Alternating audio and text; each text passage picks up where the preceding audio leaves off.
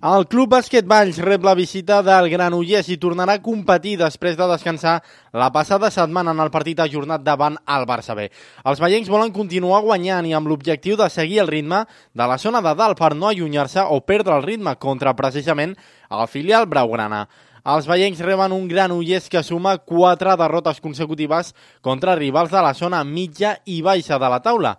Els de Granollers no han pogut superar el Cessa ni el Roser i tampoc han guanyat a dos equips que lluiten per allunyar-se de la zona de descens com són l'Olivar i l'Esparreguera. El duel entre el Club Bàsquet Valls i el Granollers es disputarà dissabte a partir de les 6 de la tarda al pavelló Joana Ballar de Valls amb Carles Homs com a principal amenaça.